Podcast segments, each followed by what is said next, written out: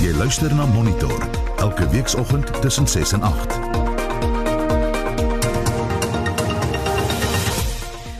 Die Hooggeregshof in Kaapstad het nog geen uitspraak gelewer in die saak wat die tabakbedryf teen die regering gemaak het nie.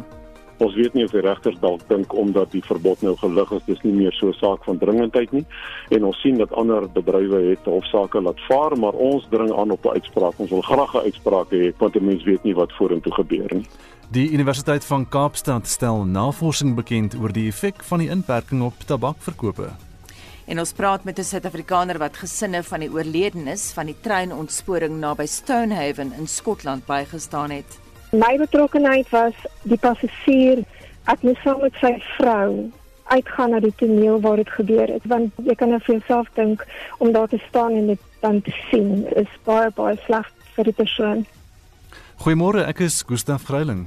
En my naam is Anita Visser. Vorige uitsendings van Monitor is beskikbaar op Potgooi. Gaan na rsg.co.za.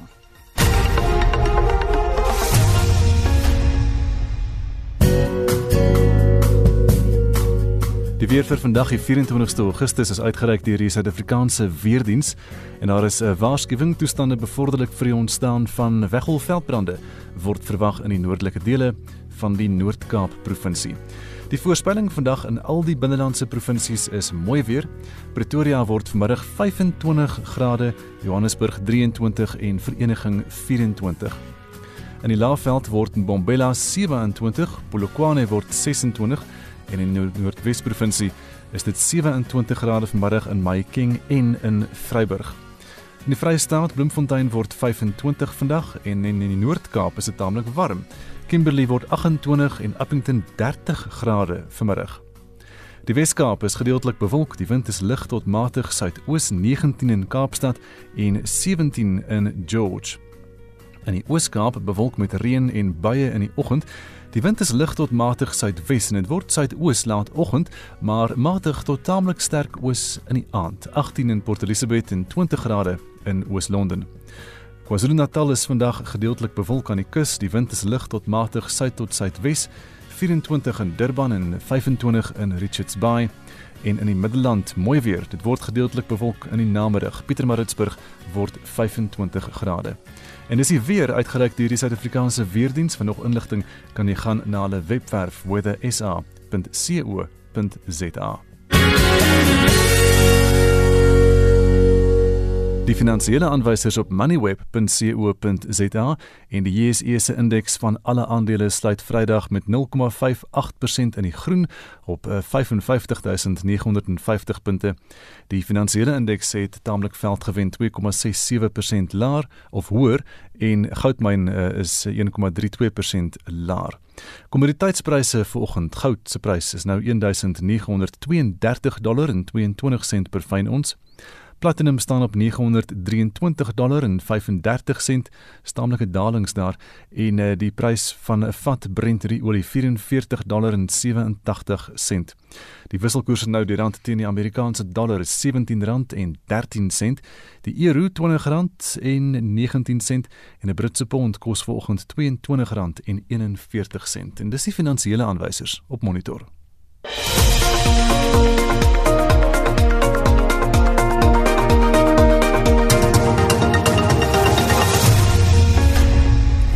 Inwoners van huise by die weermagbasis te Skobbelos by Kimberley in die Noord-Kaap sê hulle is besorg oor hulle eie veiligheid weens swak onderhoud. Dit kom na brande in verskeie huise die afgelope paar maande. Die jongste voorval was verlede Sondag. Die weermag sê hy kan nie verantwoordelikheid neem om die huise te onderhou nie omdat dit aan die departement van openbare werke behoort. Mitsi van der Merwe het meer. Suzette Marsh kon verlede week net haar klere red na die huis aan die brand geslaan het. Haar man is 'n soldaat in die Suid-Afrikaanse Nasionale Weermag. Sy sê die brand het by die hoofskakelaar in die motorhuis ontstaan. Sondagmiddag het ek en my gesin lieflike lunch geëet. Toe het die kinders gevra dat hulle net 'n stappietjie vat tot by die sportveld. Toe hulle die dryf wat om uit te kom na die hek toe. Toe sien hulle dat die garage is aan die brand. Toe kom skree hulle my En ek kom by sin dat ek moet kom kyk die krasjes aan die brand. Toe ek uitkom, toe sien ek my krasjes aan die brand. Toe sê ek hulle kom ons gaan ingryp wat jy kan. Nog 'n inwoner, Juanita Rooi, sê haar huis het verlede Woensdag amper uitgebrand. Sy sê die owerhede het gesê hulle stuur 'n elektriesien na sy dit aangemeld het. Nou Woensdag aand, dis ek besig om kos te maak. Toe gaan ek na my kamer toe. Toe gaan haal ek my foon daar. Toe ek terugkom, dis sien ek die plek is besig om te brand. En toe die plek besig is om te brand, al wat ek kon aan dink is om 'n vatdoek te vat of 'n towel te vat, want ek gaan nie met my hande daaraan werk nie want ek kan ook sok. Want is net ek en my drie kinders wat hier gewees het. Die beweerde oorsaak van die brande in die huise blyk dieselfde te wees. Denise Haan sê haar huis het afgebrand nadat blou vlamme uitgebars het by haar hoofskakelaar. Sy sê hulle was gelukkig om dit te oorleef omdat dit uitgebreek het net toe hulle bed toe is. Ek het basies alles verloor. Ek het waardevolle goed verloor. Ek het verloor my kinders se matriekklere, my kinders se 21 sleutels, my troufoto's, my dogter se trourokke. Ek meen dit is als waardevol wat niemand niemand tot vandag toe het niemand nog vir my 'n antwoord gegee om te sê. Niemand het gekom om te kom sê ons is jammer. Inwoners sê die huise moet nou onderhou word omdat hulle lewens in gevaar is. Volgens hulle het die weermag hulle versoeke vir onderhoud geïgnoreer.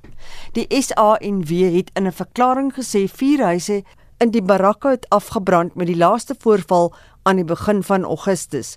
Die verklaring lei ook dat klagtes by die departement van openbare werke gelê is oor kortsluitings by al die huise. Maar die verklaring swyg oor wie die inwoners sal vergoed vir hulle verliese. Motlalepule Morake het hierdie verslag saamgestel. Mitsi van der Merwe, SAK nuus. Dis 13 minute oor 7 en jy is ingeskakel hier by Monitor op RSG. Mense sou dink die tabakbedryf glimlag breed na president Cyril Ramaphosa se opheffing van die taboe op twak. Die prentjie is egter meer genuanceerd, sê Franswa van der Merwe, raadgewer vir die tabakbedryf van Suid-Afrika en direkteur van Limpopo Tobacco Processes. Boonop het die Weskaapse Hooggeregshof nog geen uitspraak gelewer in die saak wat die tabakbedryf teen die regering gemaak het nie, selfs al het die president die bedryf die groen lig gegee. Van der Merwe het Vrydag die volledige prentjie aan Anita geskets. Ons het gehoop om dalk binne 'n week uitspraak te kry, maar dit is nou al meer as 2 weke na die hofverrigtinge en daar's nog geen uitspraak nie. Uitspraak is voorbehou. Ons probeer uitvind deur ons regspan, maar daar's geen aanduiding van die regters oor wanneer ons uitspraak kan verwag nie. Ons weet nie of die regters dalk dink omdat die verbod nou gelig is, dis nie meer so 'n saak van dringendheid nie. En ons sien dat ander bedrywe het hofsaake laat vaar, maar ons dring aan op 'n uitspraak. Ons wil graag 'n uitspraak hê want mense weet nie wat vorentoe gebeur nie. Ek wil nou juist vir jou vra hoekom die president het dan vir hulle die groen lig gegee, François? Anita, ek moet dit ongelukkig sê dat die afgelope 20 uh, weke het vir ons gewys dat ons kan nie die regering vertrou nie. Ons sien wat het gebeur met die alkohol, ons sien wat het gebeur met tabak by wat by vlak 4 opgehef was en 'n week later weer ingestel was. So ongelukkig vertrou ons nie die regering nie en ons weet nie almal praat van opvlam van die pandemie van die virusbesmettings en ons is van mening dat die regering enige dag kan besluit dat hulle verbied weer alkohol, hulle verbied weer tabak. So dis vir ons baie belangrik dat ons wel 'n uitspraak moet kry in hierdie baie baie belangrike saak. Hoe sê jy dan die moreel onder boere beskryf te midde van al die onsekerheid? Die moreel oor die hele bedryf is baie laag. 'n Mens kan dit aanvaar as jy dink dit is een van die bedrywe wat vir die langste agter slot en grendel was vir meer as 20 weke geen inkomste gehad het nie. Ons praat van kleinhandelaars, ons praat van groothandelaars, ons praat van mense wat nie net sigarette verkoop nie, ook ander tabakprodukte verkoop, sogenaamde tobacconists wat op hulle knieë is. So die bedryf en die moreel is baie laag. Ons sien die gees onder die boere is baie baie bekommerd. Alhoewel boere hulle oeste vanjaar verkoop het, is daar 'n groot probleem vir volgende jaar want ons weet nie of daar enigsins 'n mark is nie. Vanjaar se tabak hoop op, dit sit in store, dit sit in voorraad en dit moet stadig weggewerk word. So dit gaan 'n impak hê op volgende jaar se oes. En tabak is 'n duur en ingewikkelde gewas om te verbou. Ons sien reeds dat boere het 'n aanduiding gegee dat hulle volgende jaar minder tabak gaan produseer as gevolg van die onsekerheid en dit skep 'n probleem met werksverliese op die platteland. Watse ander gewas hulle kan hulle verbou? So die moreel is op die stadium nog steeds laag en bekommerd al is die verbod opgehef. Kan jy vir ons 'n persentasie heg aan die feit dat jy sê die boere gaan minder produseer? Wel Anita, op die stadium is vroeë aanduidings dat ons kyk na ten minste 'n 10% verlaging in volgende jaar se oes en ons is nog in gesprek met ons kopers. Dit kan dalk meer word. Hulle kan dalk ons bestelling meer sny vir volgende jaar afhangende van wat gebeur. Onthou ons is in 'n mark op die oomblik wat al 100% onwettig was. So die wettige bedryf wat agter slot en grendel was, moet eintlik amper van vooraf leer kry voor hulle weer kan loop. Jy moet jou mark plek terugveg nou. Ons verwag 'n geweldige prysoorlog. Hierdie onwettige mense en onwettige produkte wat teen meer as R100 volgens professor van Waalbeek verkoop was deur gedurende die verbodtydperk uh, sien ons klaar het geval na R10 en R15 en R20 'n pakkie toe. Mm. So hierdie mense gaan nie hulle geweldige winsgewende mark opgee nie. Hulle gaan hulle pryse sny en omdat hulle nie belasting betaal nie, kan hulle hulle pryse sny en nog steeds geld maak. So ons weet nie hoe gaan die markplek uitspeel in die volgende 4, 5, 6 maande nie. Hoeveel geld het julle verloor oor die afgelope 20 weke? Die wettige bedryf verkoop tabakprodukte van meer as 3 miljard rand per maand. Jy kan praat van 5 maande is omtrent 15 miljard wat die wettige bedryf verloor het en meer as 7.5 miljard wat die staat verloor het. So dit is 'n massiewe verlies, nie net vir die bedryf nie, maar ook vir die staat. En as jy die alkoholse verliese daarby tel, dan loop hierdie verliese in miljarde in maar dan wil ons by die internasionale monetaire fonds gaan geld leen terwyl ons geld in ons eie land wegvee voor die deur oor sinnelose verbod soos op tabak wat geen doel gedien het nie. Die Universiteit van Kaapstad se studie het gewys dat baie min mense uiteindelik opgehou rook en dat tabak vrylik beskikbaar was, maar die onwettige handel het opgeskiet na 100% toe. Die wettige bedryf wat altyd die wet sal gehoorsaam, was agter slot en grendel vir meer as 20 weke. Intussen het julle ook ander tabakwetgewing wat nou al vir 2 jaar lank soos 'n swaard oor julle koppe hang of hoe? Absoluut. Dis hoekom ons graag 'n uitspraak wil hê. Eerstens omdat ons nie die regering vertrou nie. Ons dink regtig dat dit is moontlik dat hulle weer 'n verbod kan instel. Enigiets is moontlik met die regering as ons sien na van die absurde besluite wat oor die afgelope 4 en 'n half maande geneem is. Tweedens die wetgewing wat voor die deur van die parlement is, gaan eendag by die parlement toe gaan. En dit is 'n stukkie wetgewing wat geweldige beperkings, verdere beperkings op die bedryf wil plaas, soos byvoorbeeld dat tabakprodukte mag nie meer tentoongestel word nie. Jy mag byvoorbeeld nie by 'n winkel inloop en tabakprodukte sien nie. Dit moet weggesteek word, dit moet onder die agter die gordyn ingaan. Dit mag nie meer gesien word nie. Geen advertensie meer by die punt van verkoop nie. Totale verbod op rook in alle plekke, binneshuis en buitenshuis. Daar gaan slegs 'n paar gereguleerde plekke wees buitenshuis. So dis regtig 'n ekstreme stukkie wetgewing wat voor die parlement lê en ook daarom het ons 'n uitspraak nodig sodat ons kan weet Hoe ver kan die regering regtig gaan om tabakbedryf aan bande te lê want dit lyk of die regering wil stop net voor 'n totale verbod op tabak. En dit sal absurd wees dit sal weer bevestig dat die onwettige mark sal oorneem want ons sien daar's niks wat die onwettige handel keer nie. Nie eens 'n verbod het die onwettige handel gekeer nie. Hulle het die mark totaal oorgeneem en miljarde in profiet gemaak ten koste van die boere ten koste van die vervaardigers ten koste van die staat en ten koste van verbruikers wat ontsettend uitgebuit is in hierdie tyd. Franco in die vorige onderhoud met Monitor hele ruk gelede het jy gesê daar's nog geen boere van hulle plase af nie. Nou jy verteenwoordig 360 kommersiële boere en dan staan nog 160 opkomend. Is daar van hulle sedertdien van hulle plase af?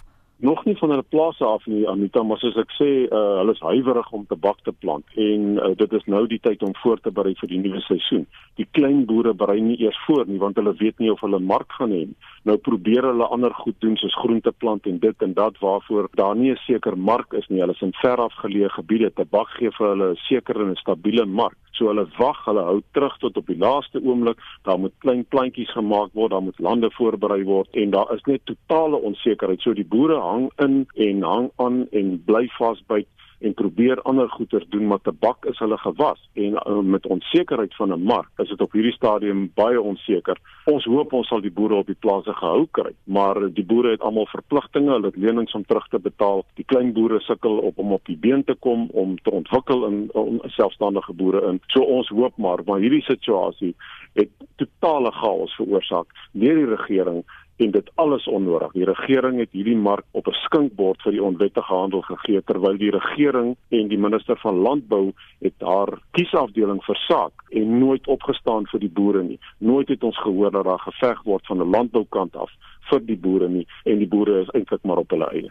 François van der Merwe, raadgewer vir die tabakbedryf van Suider-Afrika en direkteur van Limpopo Tobacco Processes. En ons bly by tabak en twak en praat nou met die hoof van die navorsingseenheid oor aksiensprodukte aan die Universiteit van Kaapstad, professor Corneille van Walbeek. Goeiemôre Corneille. Goeiemôre Anita. Jy het nou na die hele onderhoud met François geluister. Jou kommentaar. Ja, uh François maak 'n baie sterk stelling en sê dat die onwettige handel het uh buite beheer geraak gedurende die inperkingstydperk en daar is hy reg. Uh alle sigarette wat verkoop is en baie sigarette is verkoop in daardie tydperk uh was onwettig en het waarskynlik nie die belasting betaal nie, maar ek dink waar François uh, volgens my uh dit redelik ongenuanceerd uh aanbied is hy beweer daar is basies twee segmente van die uh tabakbedryf. Daar is die wettige segment wat hy verteenwoordig en daar is die onwettige segment wat nou die ander mense is. En uh ek dink dit is baie meer genuanceerd as dit. Al die bedrywe in die tabakbedryf is uh tot 'n mate wettig en tot 'n mate onwettig. En uh hierdie is 'n tipe van 'n digotomie wat eintlik vals is. Ja, daar dit is nie 'n geval van uh sekere dele van die mark is perfek goed nie en ander dele is perfek sleg nie. Selfs sy teestanders, die sogenaamde FITA geaffilieerde uh sigaretmaatskappye, hulle betaal belasting wanneer dit tyd is om belasting te betaal, maar hulle betaal waarskynlik nie genoeg en uh, volledige belasting op al die produkte wat hulle moet betaal. En terselfdertyd British American Tobacco en die uh, meer multinasjonale maatskappye, uh, daar's waarskynlik groot um, uh, uh, ervaring daarvan dat hulle ook nie op al hulle sigarette belasting betaal nie. Dus hulle moenie hulle self voorhou as ons is die heiliges, ons is die uh, skoon deel van die tabakbedryf nie. As uh, onlangs 'n boek van Telita Snykers het uitgewys dat uh, vir al British American Tobacco 'n klomp garanties in die kas as dit kom by uh die wegsteek van belasting en die vermyding van belasting en die ondermyning van die Suid-Afrikaanse inkomstediens. Die tweede punt is hy maak 'n baie sterk pleidooi vir die boere en ek dink dit is reg dat hy 'n pleidooi maak vir die boere. Uh die feit van die saak is uh die boere in Suid-Afrika verskaf nie naaste by genoeg tabak vir die plaaslike uh produsente om dit um na sigarette om te werk nie. En wat ons bevind is 'n groot deel van die rou tabak wat in Suid-Afrika gebruik word vir die maak van sigarette en vir ander tabakprodukte word ingevoer. Dus dit is nie 'n geval van dat ons so verskriklik afhanklik is van die boere nie. As hy boere produseer en daai produkte is aanvaarbaar en die kwaliteit is goed, behoort daar 'n mark in Suid-Afrika te wees want ons boere kan in elk geval nie die volledige aanbod van rou tabak verskaf nie. Wat het julle navorsing getoon oor die effek van die inperking op tabakverkope? Daar is 'n klasverskil, né? Absoluut. Ja, dis goed wat ons gevind het is uh, gedurende die inperking was daar werklik 'n uh, groot uh, onsekerheid in die mark gewees, groot onstabiliteit in die mark en dit het gelei tot groot prysverhogings en baie van uh julle ehm um, luisteraars wat rokers is sal sal kan uh, ervaar hulle meer as 100 rand per pakkie betaal op 'n sekere punt. Van ons respondente het gesê dat hulle tot 250 rand vir 'n pakkie betaal het op die hoogtepunt van die inperking. Mhm. Mm dus ons sien tabakpryse het geweldig toegeneem. Ons sien ook dat dit 'n redelike groot verskywing van die mark plaasgevind waar mense meestal voor die tyd die multinasjonale maatskappye se uh, produkte gekoop het, het daar 'n groot verskywing gevind na die meer plaaslike maatskappye. En dit is die punt wat Frans wil probeer maak. Hulle het uitverloor en die plaaslike maatskappye het ehm um, groot uh ehm um, marktoenames ervaar in hierdie tydperk. En dit is ook so. Uh maar aan die ander kant is dit ook so dat British American Tobacco en die multinasjonale maatskappye het ook 'n redelike groot proporsie, ongeveer 20% van die verkope wat plaasgevind het in die inperkingstydperk is van hulle maar um, handelsmerke gewees. Dus mense vra dan die vraag, waar kom dit vandaan? Uh het hulle dit op 'n manier vervaardig, uitgevoer en weer uh, op 'n manier in Suid-Afrika aangeteken? Daar is heel wat aanduidings daarvan dat veral die Namibië het ons um 'n klomp sigarette uiteindelik weer ingevoer in die land in omdat die mark aan die Namibiese kant oorversadig is. Wat ook interessant gevind is, is dat groot klas en rasverskille in terme van hoe mense gereageer het op hierdie spesifieke ehm um, verbod. Blankes in die algemeen het nie aan die gebod gehoor gegee nie. Meeste blankes, ongeveer 98 tussen 96 en 98% het nie ehm um, opgehou om te rook nie en hulle het amper almal wel sigarette gekoop in die sluithandel gedurende die inperkingstydperk. Hmm. Aan die ander kant, swart mense het baie meer geneig gewees om gehoor te gee aan die verbod. Miskien is dit ook as gevolg van ekonomiese redes, maar ons sien dat tot seker as 40% van swart mense het aangedui dat hulle ehm um, gestop het om te rook in die inperkingstydperk teenoor ongeveer tussen 2 en 4% van blankes. Mhm. Mm en ehm um, uh, die ja, Kornay enige idee hoeveel tabakboere kontrakte het met die onwettige handelaars? Dit is 'n interessante vraag. Ehm um, Anita wat ons ervaar is uh alle sigarette wat vervaardig moet word uh word deur uh met tabak gevul. Dus daai tabak moet ergens vandaan kom. Dus uh ek is nie 'n spesialis op die aanbodkant van die tabakbedryf nie. Uh, Frans het 'n stelling van daar is ongeveer 150 opkomende boere en so ongeveer 300 uh kommersiële boere in tabak. Dit dit klink ongeveer reg. Maar uh wat tipies gebeur is daai tabak word geproduseer en dit moet op 'n manier by die uh, vervaardiger uitkom. En daar is 'n aantal verskillende middelmanne wat deel daarvan is, waarvan Limpopo Tobacco Processors een is, Alliance One en dan is natuurlik direkte ehm um, kontrakte uh, uh, met die vervaardiger self. En van daardie vervaardigers kan plastieke vervaardigers wees en van hulle is die multinasjonale maar ek het nie 'n uh, uh, afbreeking van hoeveel boere daarbey betrokke is by watter tipe kontrakte Nou uh, British American Tobacco sê een handelsmerk van Gold Leaf Tobacco het byvoorbeeld tot 10 miljoen sigarette per dag tydens hierdie inperking verkoop. Is dit is dit moontlik? Ja, hulle het 'n verklaring uitgereik verlede week waarin hulle ons verslag uh, in detail aanhaal en my baie kere ook uh goed is in die mond lê wat ek nooit gesê het nie. Maar een van die dinge wat hulle daarso uh, beweer is dat hierdie spesifieke handelsmerk wat 'n baie belangrike handelsmerk in die gold leaf tobacco stal is, het 10 miljoen sigarette per dag verkoop. Uh ons het die somme gedoen en volgens ons is dit hoogs onwaarskynlik. Dit is waarskynlik nader aan 5 miljoen sigarette per dag, maar terselfdertyd het die British American Tobacco tabakprodukte ook in die orde van ongeveer 5 miljoen produkte uh as jy 5 miljoen sigarette per dag verkoop en dit was in Junie. Dis net met die vraag vra waar kom daardie sigarette vandaan?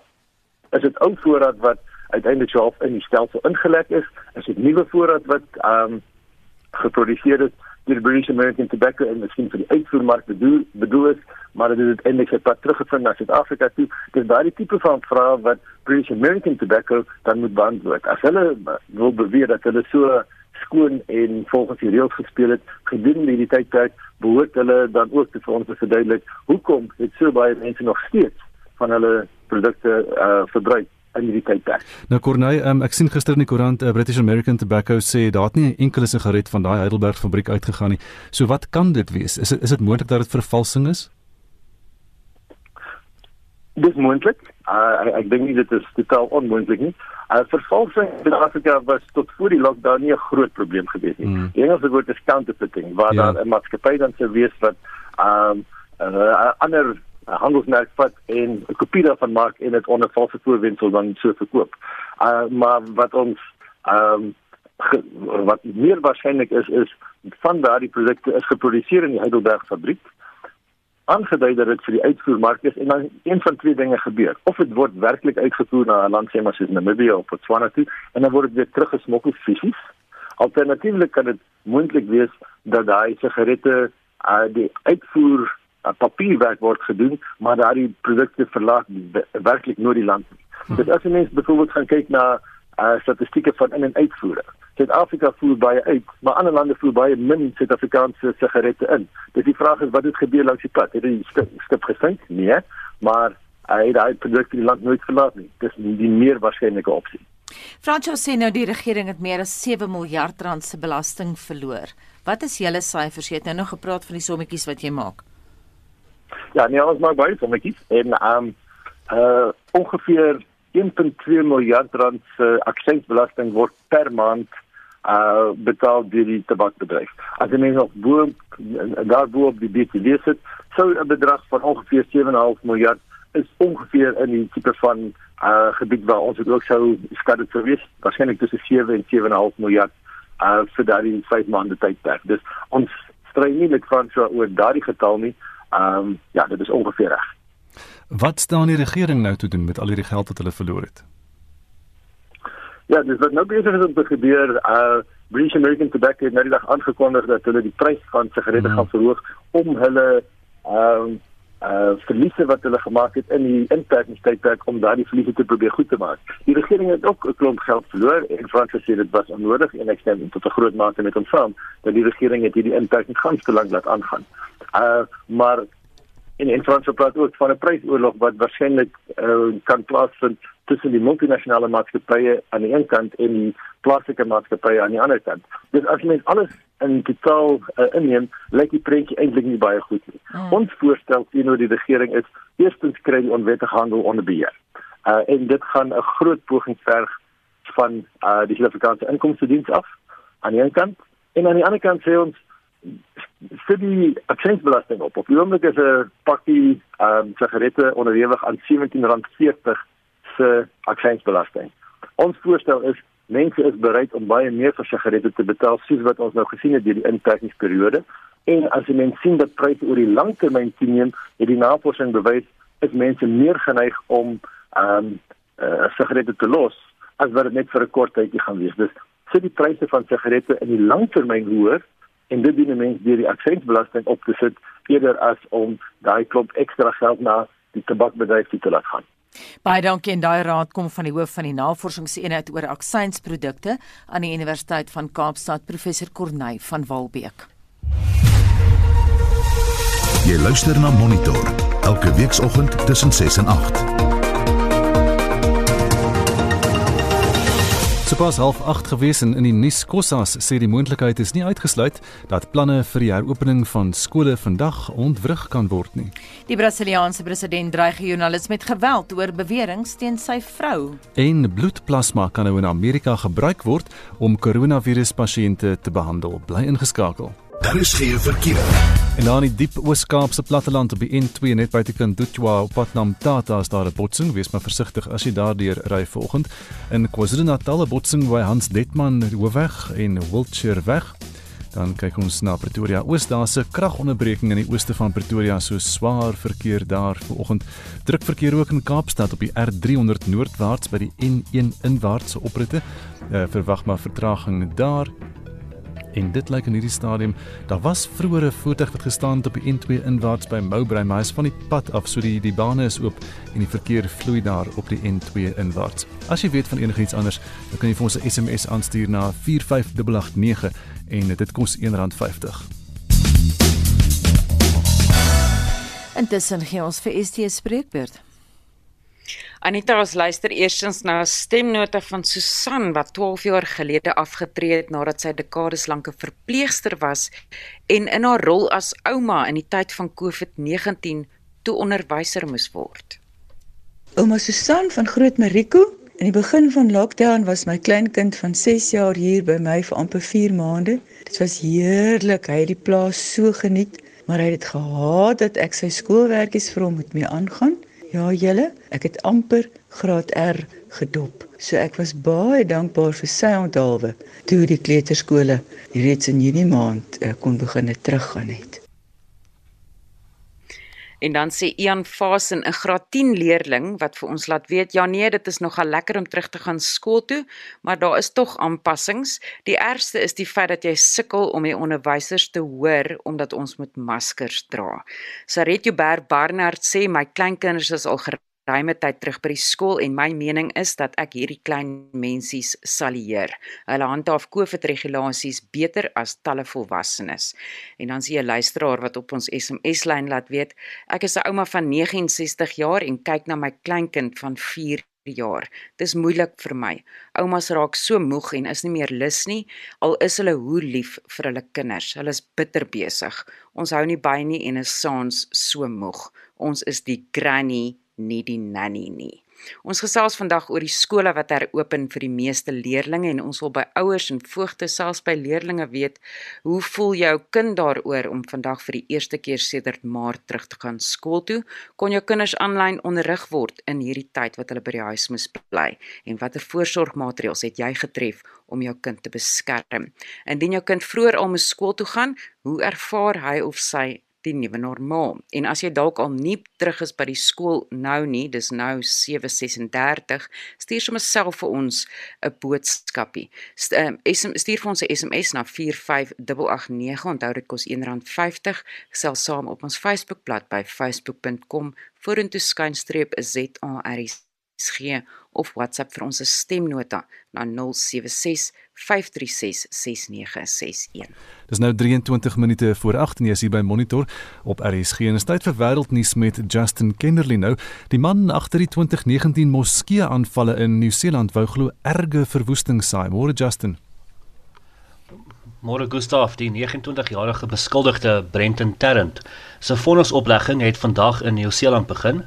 Hy het in 2019 51 mense by twee moskeeë in Nieu-Seeland vermoor en was volgens hofdokumente van plan om 'n derde moskee te teiken.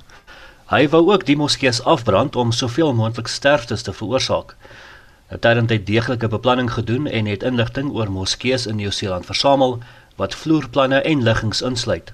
In die maande voor die aanval het hy na Christchurch gereis en 'n hommeltuig oor sy primêre teiken, die Al-Noor Moskee, gevlieg. Sy doel was om hulle te teiken op hul besigste tye. Nou die Australiër het skuldig gepleit op 51 aanklagte van moord, 40 van poging tot moord en een klag van terrorisme. Nou Tarrant kan lewenslange tronkstraf opgelê word, moontlik sonder vrywaring, 'n vonnis wat nog nooit tevore in Nieu-Seeland opgelê is nie. En die aanval het skokgolwe reg oor die wêreld gestuur en Nieu-Seeland het daarna vinnige veranderinge aan sy wapenwette aangebring. So plasma is the liquid portion of the blood. Uh Justin ons kom by, by die storie oor die bloedplasma nou wat in die FSA gebruik kan word om uh, koronavirus pasiënte te behandel. Ja, die Amerikaanse Voedsel- en Medisyne-administrasie het noodtoestemming verleen vir die gebruik van plasma om COVID-19 pasiënte te help. Die tegniek gebruik teen liggaamryke bloedplasma van mense wat van die siekte herstel het en is al op meer as 70 000 mense in die FSA gebruik. Die FDA-kommissaris, Steven Hahn, sê duisend Amerikaners het nou die terapie ontvang. So plasma is the liquid portion of the blood. That liquid portion contains the natural immunity that someone develops in response to an infection, in this case COVID-19. Um, and that liquid portion can be extracted and for many years as the president and secretary Azar said has been given to patients with infectious diseases for more than 100 years. More than 90,000, close to 100,000 Americans have enrolled in this program, and over 70,000 have received treatment.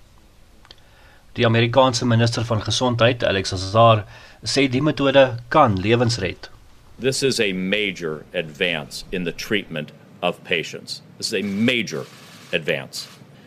Convalescent plasma is one new tool that we've added to our arsenal against COVID 19 alongside remdesivir, steroids, and a number of other promising options currently being studied.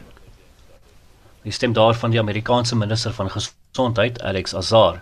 Nou die FSA het die grootste aantal gevalle van die koronavirus ter wêreld met meer as 5 tot 7 miljoen infeksies en 176 000 sterftes. Die FDA sê dit tot die gevolgtrekking gekom dat die metode veilig is na 'n uitgebreide oorsig van die data wat die afgelope maande ingesamel is. En dan tienduisende teen regeringsbetogers in Belarus het die strate van die hoofstad Minsk volgepak om hulle teenkanting teen president Alexander Lukasjenko se bewind duidelik te maak. En korrespondente in die stad sê tienduisende mense het die sentrale plein geval ondanks 'n sterk polisie teenwoordigheid. Die betogers sê Lukasjenko het die verkiesing gesteel en eis sy bedanking. Our aim is to show uh, the government that we are not their slaves. We are here to show that we never elected him and that we want the change, that we want the new country with a new president. Die staatstelevisie het 'n video vrygestel waarin Lukasjenko per helikopter na die presidentsiële paleis geneem word. In die video dra hy 'n koelvaste baadjie en stap met 'n outomatiese wapen in sy hand na sy huis. Intussen sal die Amerikaanse adjunkminister van buitelandse sake, Steven Biegun, vandag na Litouw, Rusland en Oekraïne reis om met senior regeringsleiers te vergader om probleme in die streek, waaronder die krisis in Belarus, te bespreek. En eh, die Amerikaanse president Donald Trump het die verwoestende veldbrande wat in eh, dele van Kalifornië woed tot 'n ramp verklaar nou. Ja, meer as 500 veldbrande in state in Amerika het binne 'n week oor 'n gebied van sowat 4000 vierkante meter gewoed. Brandbestryders beskou die brande as van die ergste in die geskiedenis en sê die situasie is besig om te vererger. Nou meer as 14000 brandbestryders veg teen 585 veldbrande en voorspelde hoë wind dreig om die vlamme na die meer bevolkte gebiede aan te blaas terwyl dik rook nog swaar in die lug hang. Minstens 6 mense is dood en duisende is reeds ontruim.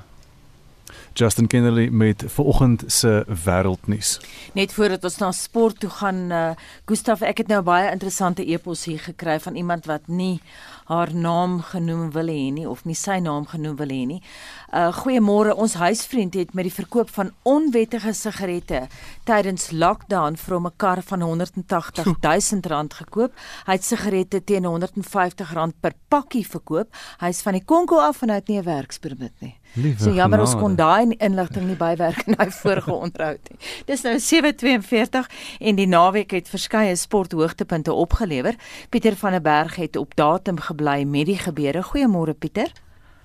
Môre sê Anita. Saterdag en naweek aktueel Pieter het jy genoem dat Brad Binder van Suid-Afrika die 10de beste tyd op dag 1 van die MotoGP oefensessies behaal het. Som vir ons die res van die naweek op. Ja, dit was die styrende MotoGP daar in Oostenryk wat plaasgevind het. Nou eh, die kwalifikasie is toe Saterdag afgehandel en Brad kon net 13de op die wegspringrooster vir 'n plekkie oopmaak. Nou uh, Paul Espargaro, hy daar uh, die eerste plek ingeneem op die wegspringrooster met uh, Tahaki Nagagami in die tweede plek en Brad was dan 'n 13de gewees. Tydens die wedren het hy baie goed gevaar. Hy het in 'n stadium opgeskryf tot die 6ste posisie toe die rooi vlag vertoon is met 12 rondes oor. Dit is nadat uh, Vinales in 'n ongeluk betrokke was, maar uh, die wedren is toe later hervat met Brad wat 6ste was en hy het in 'n kort rukkie het hy gevorder tot die 4de posisie, maar ongelukkig 'n fout behaal of gemaak dan en uiteindelik het hy 8ste geëindig. Die wedren is in die laaste draai beklink deur Miguel Oliveira op sy KTM. Jack Miller was daar in die tweede plek en Paul Espargaro het die derde posisie ingeneem. Op die punteleer is Fabio Quartararo, hy steeds eerste met 70 punte nou. Andrea De Vizio of De Vizioso, hy het 67 punte in die tweede plek en dan Suid-Afrika se Brad Binder. Hy is in 'n uitstekende vierde plek, so baie goed vir die jong eh, Brad Binder van Suid-Afrika. Dis natuurlik Anita se eerste seisoen in die MotoGP reeks. En dan vier golftoernooie is die naweek afgehandel en 'n paar Suid-Afrikaners het weer hulle staal gedoen. Kom ons loer na oorsig. Ja ja, in Suid-Afrika natuurlik die sonskynreeks wat verlede week hervat is en die Betway Kampioenskap daar op Kilani se buiteklub is deur Darren Figart gewen met Ulrich van der Berg tweede en Jaco Prinsloo daar 'n derde saam met Roan Kort en Alex Heidel. Dan in Europa was dit uh, die Wallis Ope wat in Newport afgehandel is. Romain Lagasque het daar geseëvier met twee houe. Hy was op 800 syfer met Sami Walimaki in die tweede plek op 600. Ek sien daar was 'n paar spelers wat gesamentlik derde was. Dit het onder meer Matthew Jordan en David Dixon ingesluit op 500. Suid-Afrikaanse Louis de Jager, hy het op 200 klaar gemaak. Dis 6 houe agter die wenner en Dean Burmester, hy was op 100 syfer. En dan in Amerika is dit die Northern Trust Golf Toernooi in Boston wat beslis is.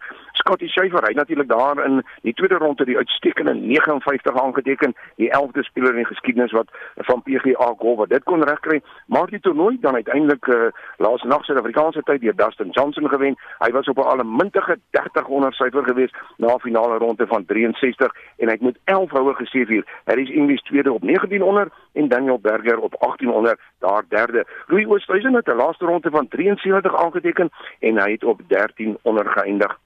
En dan Anita in die LPGA reeks is dit die Britse vroue ope wat daar in Skotland op troon gespeel was en dis Sofia Popov van Duitsland wat daar eerste groot toernooi wen 277 houe aangeteken en twee houe naar was Jasmine Sonawapura van Thailand en ek sien dat Ashley Boy van Suid-Afrika sy 10 houe agter die wenner geëindig op 287.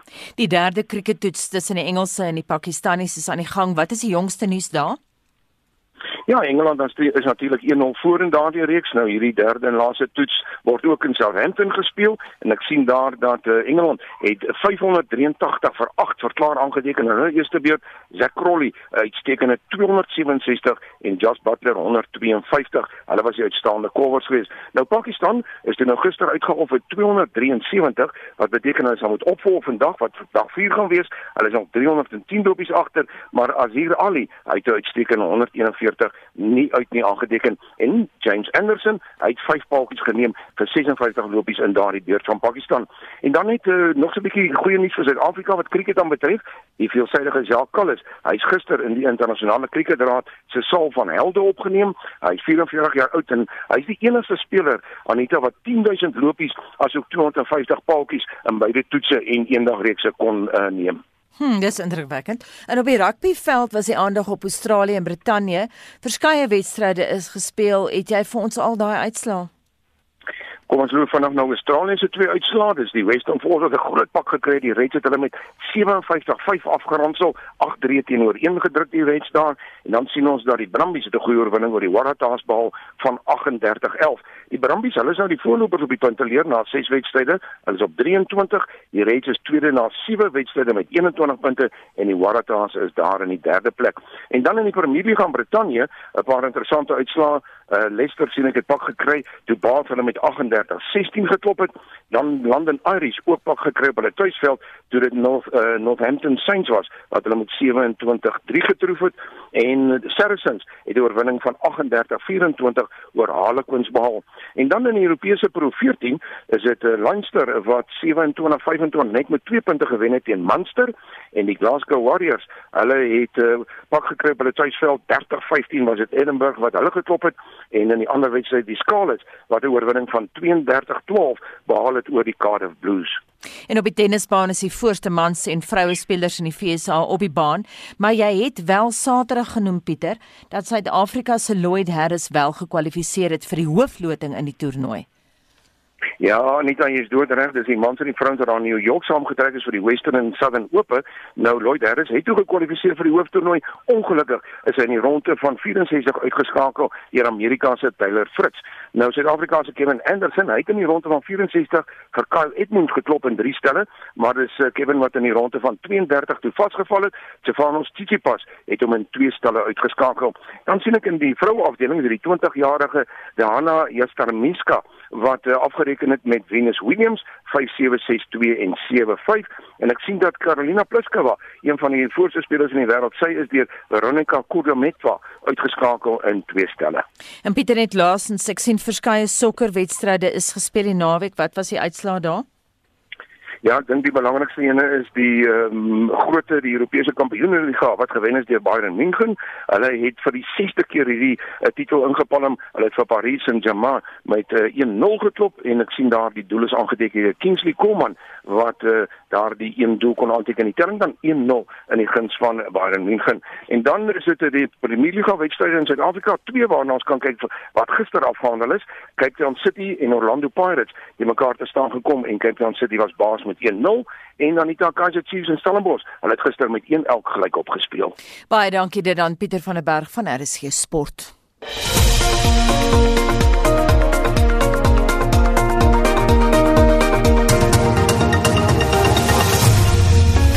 Nou 9 minute voor 8 uur by Monitor op RSG en die COVID-19 pandemie het lewens gered in die treinontsporing vroeër die maand in Skotland omdat daar so min passasiers toegelaat is om te reis.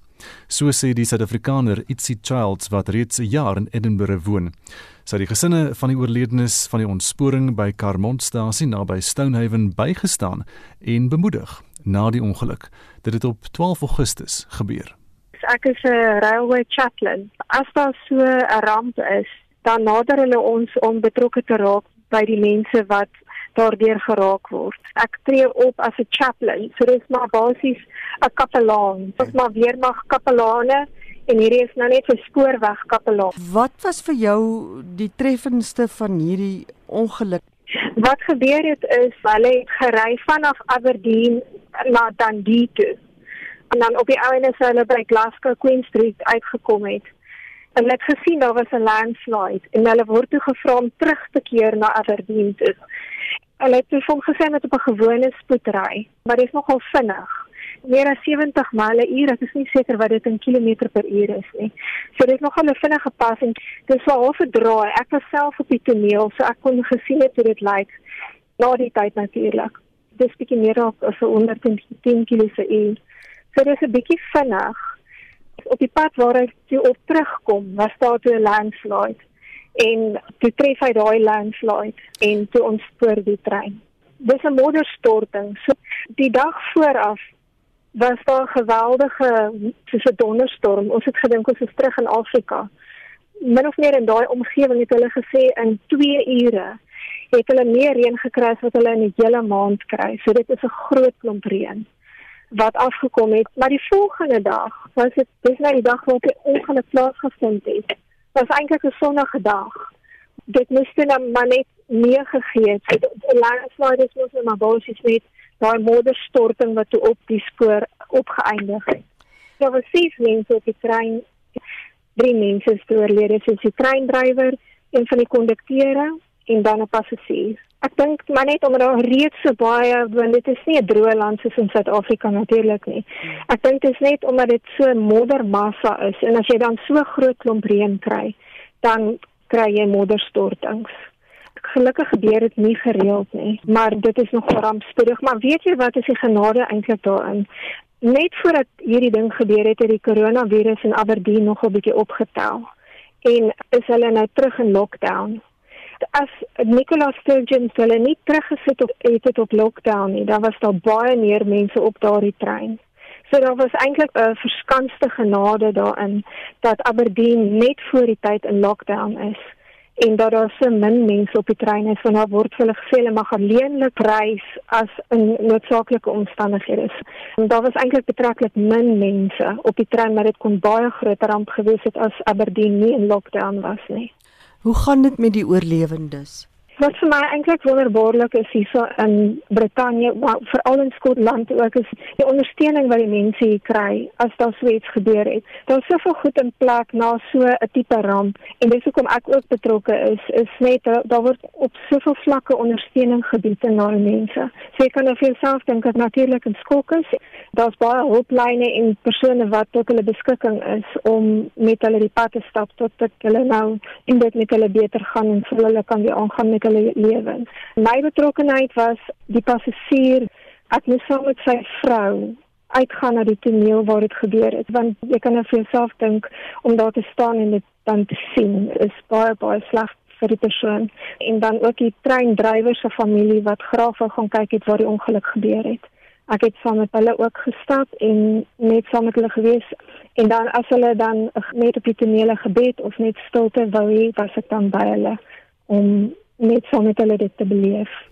Is die Childs is 'n audioloog van Suid-Afrika wat ook een van die drie kapelane is op die Skotse spoorweg en sy het met Mitsi van der Merwe gepraat. En van Skotland na Stellenbosch, daar trek die straatkunsuitstalling Gemaskerde Meesterstukke baie aandag. Die kunswerke wat op verskeie plekke op die dorp te sien is, beeld die uitdagings van die Suid-Afrikaanse samelewing tydens COVID-19 op 'n kragtige wyse uit en steun boonop arm studente. Marlenae Forsie het meer. Vyf portrette wat as Suid-Afrikaanse meesterstukke beskou word, is vergroot en elke bekende gesig het 'n masker op. Volgens Pieter Swart van die Universiteit Stellenbosch strek die projek verder as net unieke kuns. Wat ons eintlik deur die projek wil bereik is om ons studente wat dan baie swaar getref is te ondersteun finansiëel en andersins en ons vra vir mense om dan die kunswerke te besoek Hier is 'n SnapScan um, waar hulle donasies kan maak om hierdie studente te ondersteun. Ons het donateurs ingekry um, wat dan elkeen een van hierdie werke kan ek sê aangeneem het en wat ons ondersteun het met die befondsing daarvan. Die projekbestuurder Andy Norton sê boonop daar's langs elke kunswerk inligting beskikbaar oor die relevante kunstenaar en die kunswerk in Engels, Afrikaans en Xhosa. They were chosen because they are considered South African art masters, particularly four of them Irma Stern, uh, Vladimir Trechikov, Maggie Lobsha, and Gerard Sokoto. And it's about teaching people about the masters in our South African art history. And the fifth one is who we consider is going to be a master for the future. It's an artist at the moment, Zanele Maholi. Die inisiatief is moontlik gemaak deur skenkers sonder dat 'n sent deur die universiteit betaal is en inwoners is in hul noppies. Ek dink dit is 'n goeie uh, ding dat hulle dit vir, vir die studente wat ook maar onbevoorreg is, behoeftige uh, studente dat hulle kan gehelp word om verder in die lewe te kom. Dit is 'n mooi ding wat ek nog gesien het. Ek het nog nie geweet wat aangaan nie, maar nou word ek nog gelees het daar om te kan sien sien, nee, so 'n goeie ding. Iets goeds. Besig is om Wat ek nog gelees het, sien ek is is 'n mooi ding. Maar as hoop en as glo en as hoop vas. Die oorspronklike 5 meesterstukke kan in gallerye in en om die dorp besigtig word. Maar hiervoor gaan jy jou eie masker moet opsit. Hierdie verslag is saamgestel deur Lentjie Bierman in Stellenbosch. Ek's Marlene Forsie vir SAK nuus. Estie. Anita, ons luister wat hierdie luisteraar te sê het. Namens Patrick hier van Richie in die Noord-Kaap. Ek het 'n seentjie in graad 5 en ek weet nie uh, hy weer beslis, hy weer beslis om skool toe te gaan wanneer skole oop gaan en hy sê hy's baie bang vir vir COVID. Maar ons is besig om te praat met hom, ons gesels met hom om te hoor of hy nie dit wil oorweeg nie, maar ek dink 'n mens kan hom ook maar nie dreig as hy nie voel om wil terug te gaan nie. So ons sal maar sien wanneer hulle wanneer hulle kom oopmaak die einde van hierdie maand, ons sal maar sien. En dan laastens sê Charlene van Kenton Park, my kleinkinders is al van die 17de Augustus af terug skool toe. Hulle sê dis bak en ek kan dit ook in hulle stemme hoor. Baie dankie dat jy vandag saamgesels het. Marlene, jy lyk die dagboek vir Spectrum later. Skoolmaar open vandag landwyd vir leerlinge van graad R tot 4 as ook 6, 9, 10 en 11 ons hou op hoogte van die jongste verwikkelinge. En die Hooggeregshof in Bloemfontein begin die saak teen vyf Parysboere wat hulle plaaswerkers na bewering aangerand het. Dis net om hom gekonfronteer het oor werk waarvoor hulle nie betaal is nie. En 'n interne brief aan lede van die ANC sê president Cyril Ramaphosa die bes, die party is beskuldigde nommer 1 wat korrupsie betref, maar van hoeveel waarde is dit? Dit en meer vanmiddag op Spectrum. Ons groet namens ons waarnemende uitvoerende regisseur Wesel Pretorius, die redakteur vanoggend Jean Esterhuizen, ons produksieregisseur Lewona Bekes, my naam is Anita Visser. Bly geskakel by RSG vir praat saam volgende met Lenet Fransis Puren. Ek is Gustaf Vreiling en mooi bly tot môreoggend om 6.